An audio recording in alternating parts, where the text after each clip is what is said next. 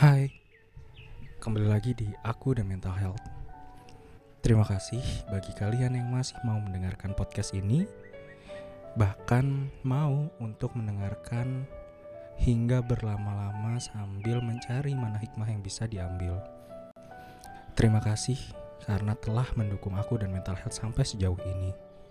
Membuat aku yang tadinya membuat podcast ini hanya untuk mengisi waktu luang hingga sampai saat ini aku memiliki concern yang sangat besar terhadap perkembangan dari podcast aku dan mental health.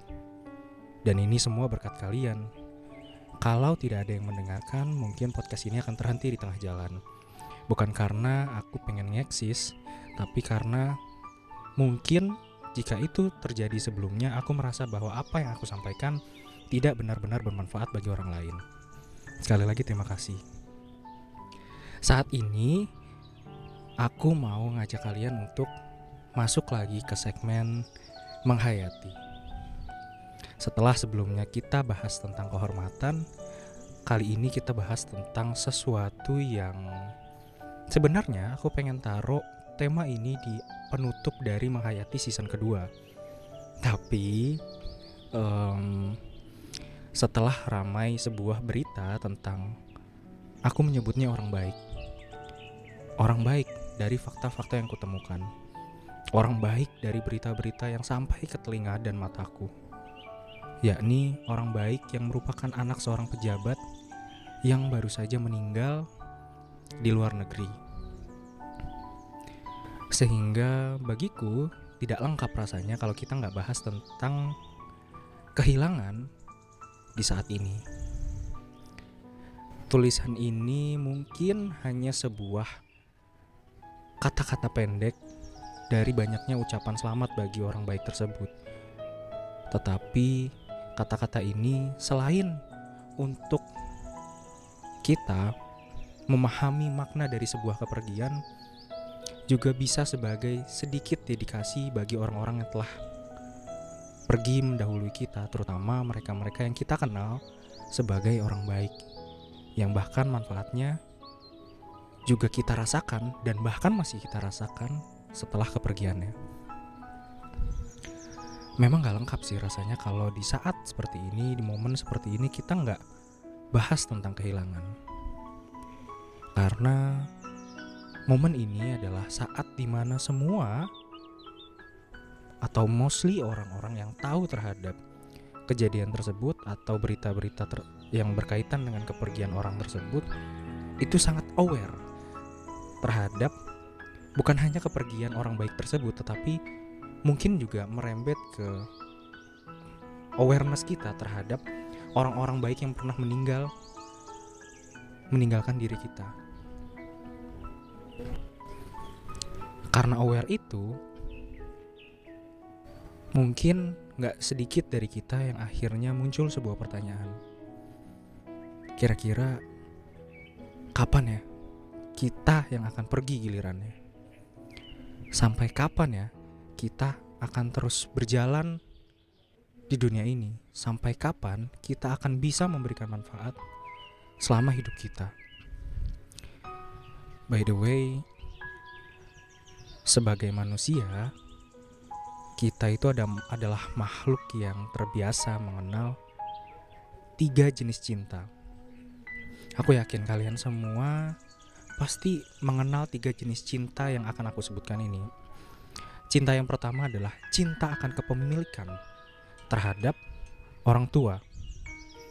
Yang kedua, cinta akan kasih sayang dari suatu individu secara seksual. Seperti calon pasangan atau bahkan bagi mereka yang sudah mengikat janji suci, ya pasangan. Dan yang ketiga adalah cinta akan komunitas atau personal yang satu frekuensi atau biasa kita menyebutnya sahabat. Kata-kata yang aku sebutkan barusan ini bukanlah sesuatu yang baku teori-teori yang bisa teman-teman temukan, tetapi secara inti kita semua pasti pernah merasakan tiga jenis cinta ini. Nah, di setiap keberanian kita untuk memiliki cinta-cinta tersebut itu juga memberikan kita konsekuensi. Konsekuensi untuk apa? Untuk berani kehilangan.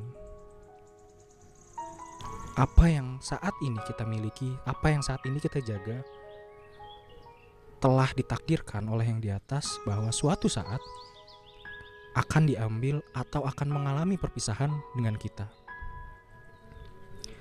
Namun, memang sih, terkadang mungkin kita lupa bahwa kepergian seseorang itu yang terikat cintanya dengan kita, entah itu orang tua, calon pasangan, atau sahabat, itu nggak boleh nggak meninggalkan apa-apa.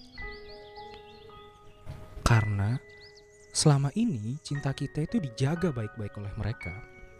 Sampai saat kita seperti saat ini telah membentuk sebuah kedirian yang kuat untuk menghadapi dunia yang mungkin sedikit banyaknya juga dipengaruhi oleh mereka di fase-fase pertumbuhan dan perkembangan diri kita.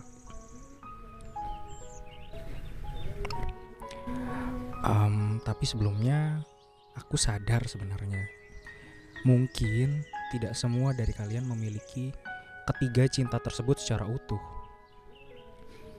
Aku menghargai kalian yang mungkin tidak mendapat ketiga cinta tadi secara utuh.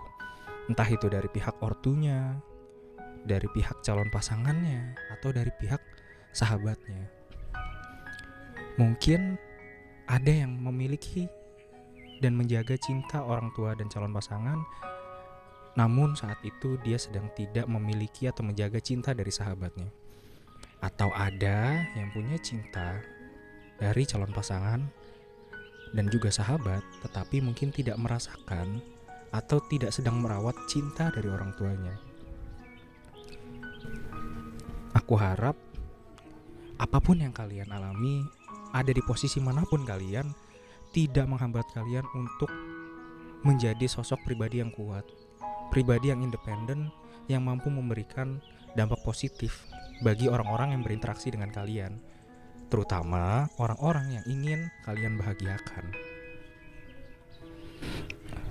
Oke, mari kita fokus pada pihak yang menjaga cinta kita dan terus memberikan pengaruh positif. Bisa di antara ketiga pihak tersebut atau semua pihak yang aku sebutkan tadi. Bayangkan saat kepergian mereka tidak ada yang meneruskan perjuangannya kalau aku mikir kayak gini, terkadang aku malah takut hal itu akan terjadi juga denganku suatu saat. Aku takut perjuangan yang aku lakukan selama hidup akan terhenti hanya karena aku telah pergi dari dunia ini. Itulah kenapa penting bagi kita untuk melanjutkan hal baik yang ditinggalkan oleh mereka yang sudah pergi. Karena rantai kebaikan tidak boleh terputus hanya karena jiwa raganya telah absen lama di dunia. Bayangkan, kelak hal baik yang kita perjuangkan akan dilanjutkan oleh orang-orang yang cintanya telah kita jaga dengan baik selama kita hidup. Aku yakin setiap orang yang menanam kebaikan pasti akan menuai kebaikan juga. Saat kita melanjutkan perjuangan orang di mana perjuangan tersebut sudah memberikan kebaikan bagi banyak orang juga, maka ketika kita sudah pergi, ketika kita sudah tidak ada secara jiwa dan raga di dunia ini, maka kita juga akan dilanjutkan perjuangan baiknya oleh orang-orang yang cintanya kita jaga. Ini bukan hanya memberikan dukungan moral bagi kita selama kita hidup, tapi juga ketika kita telah tidak ada, ini akan menjadi amal yang tidak akan pernah terputus. Ingat, bahwa meskipun suatu saat kita sudah tidak ada, tapi di saat kita masih hidup dan menuju akhir dari garis hidup kita, itu tetap akan memberikan satu dampak positif yang akan selalu mempengaruhi kita untuk terus bertahan hidup menjadi the best version of ourselves, menjadi versi terbaik dari diri kita.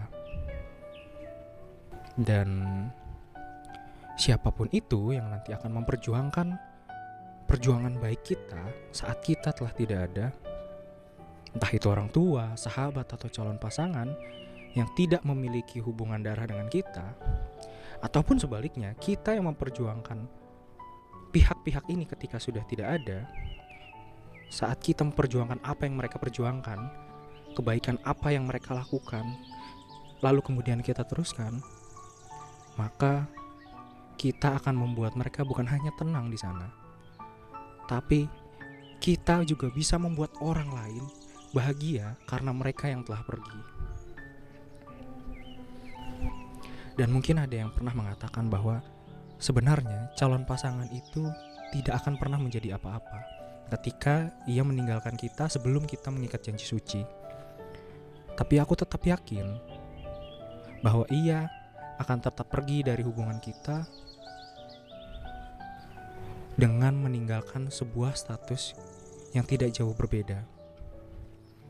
Karena aku yakin, saat sudah mengikat janji suci, seseorang yang pergi akan dianggap pasangan. Namun yang belum mengikat janji, ia tetap pergi sebagai sahabat.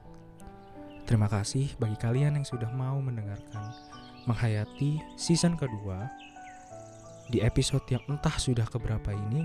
Semoga apa yang aku sampaikan di sini tetap bisa memberikan banyak insight atau manfaat atau hikmah yang bisa kalian ambil. Begitu juga denganku. Semoga kita bisa menjadi versi terbaik dari diri kita hingga garis finish hidup kita nantinya. Terima kasih banyak. Bye.